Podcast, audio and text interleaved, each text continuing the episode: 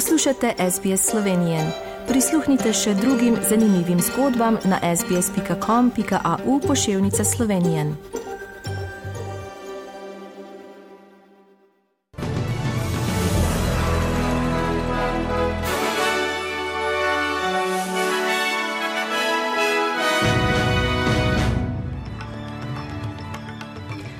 V poročili 10. septembra 2022 kralj Karl imel svoj prvi televizijski nagovor kot not novi monarh.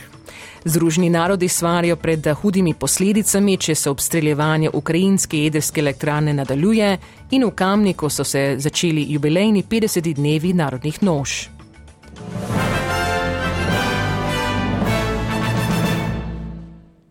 Kralj Karl III. je prisegel, da bo služil kot monar z vestobo, spoštovanjem in ljubeznijo, kot je to storilo njeno veličanstvo več kot 70 leti.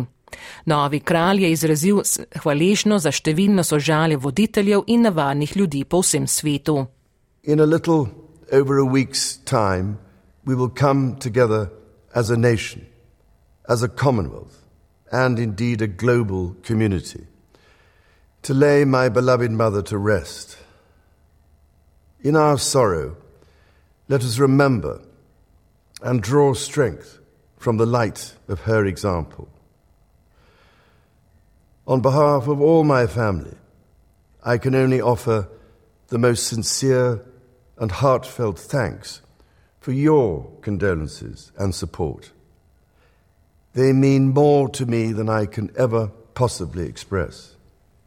V prvem nagovoru je poklonil svoji materi in izpostavil tudi vse najožje člane svoje družine in sinu Williamu podelil naziv valižanskega princa, ki pripada postole nasledniku.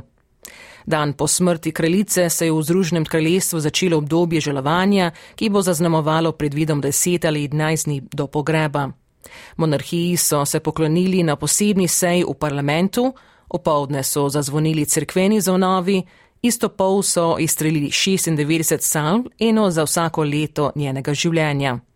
Zvečer se je v katedrali svetega Pavla v Londonu odvil tudi posebno obred v spomin na kraljico. Zastave plapolajo na pol drugov po vsej Avstraliji in čeprav se v državi ne pričakuje uradnega žalovanja, se pričakuje nacionalni spomenik. Avstralci smo se včeraj zjutraj zbudili z novico, da je kraljico mirno umrla v Balmoru na Škotskem, stara 96 let. Generalni guverner David Hurley, avstralski premier Anthony Albanese in drugi člani parlamentov so danes položili venec v Queen's Terrace. Zvezdni parlament bo prekinjen za 15 dni, zastave pa bodo verjetno ostale spuščene do dneva po kraljičinem pogrebu. Predstavniški dom parlamenta naj bi zasedel naslednji teden, vendar bo to morda tudi predstavljeno. V Sidneju pa so včeraj okoli pol dneva zazvonili zvonovi na stolpu GPO, v mestni hiši in v St. Andrewsu. Zvonovi so zadaneli 96 krat, kar predstavlja vsako leto kraljičenega življenja. Jadra operne hiše v Sidneju so bila sinoči osvetljene, danes pa bodo tudi. Vodja Mednarodne agencije za jedrsko energijo pravi, da je obstreljevanje povzročilo izpad električne energije v ukrajinskem mestu Enerhoder in ogrozilo varnost delovanja bližnje jedrske elektrane Zaporižja. Rafael Grossi poziva naj se ustavi obstreljevanje na tem območju, da bi lahko delavci obnovili elektriko v mestu in dodaja, da bi lahko prišlo do resnih posledic, če bi se obstreljevanje elektrarne nadaljevalo. Ruska invazija v Ukrajino traja že več kot šest mesecev. Obe strani obtožujeta obstreljevanje v bližnji eh, obrata. V Kamniku v Sloveniji pa so začeli jubilejni 50 dnevi narodnih nož in oblačilne dediščine. Slavnostno odprtje je bilo z nagovorom kamnišnega župana Mateja Slaparja ter nastopom mestne godbe Kamnik in društva kamniških mažoret Veronika.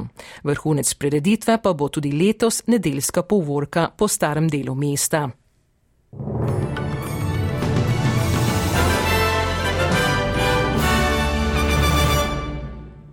Preglejmo tečajne liste in vreme. Za ameriški dolar boste odšteli 1 dolar in 46 centov, za evro 1 avstralski dolar in 48 centov. In še napovedi vremenske slike za jutri po Avstraliji.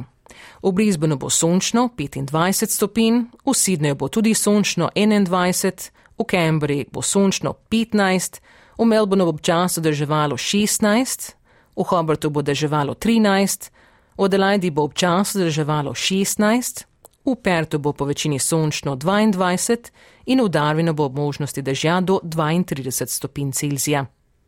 Vremenoslovci v Sloveniji napoveduje, da bo danes do povdne sončno, popovdne pa spremenljivo oblačno, nastale bodo plohe nevihte. Najviše dnevne temperature bodo od 20 do 25 stopinj Celzija. In to so bila poročila medijskih hiš SBS in STA.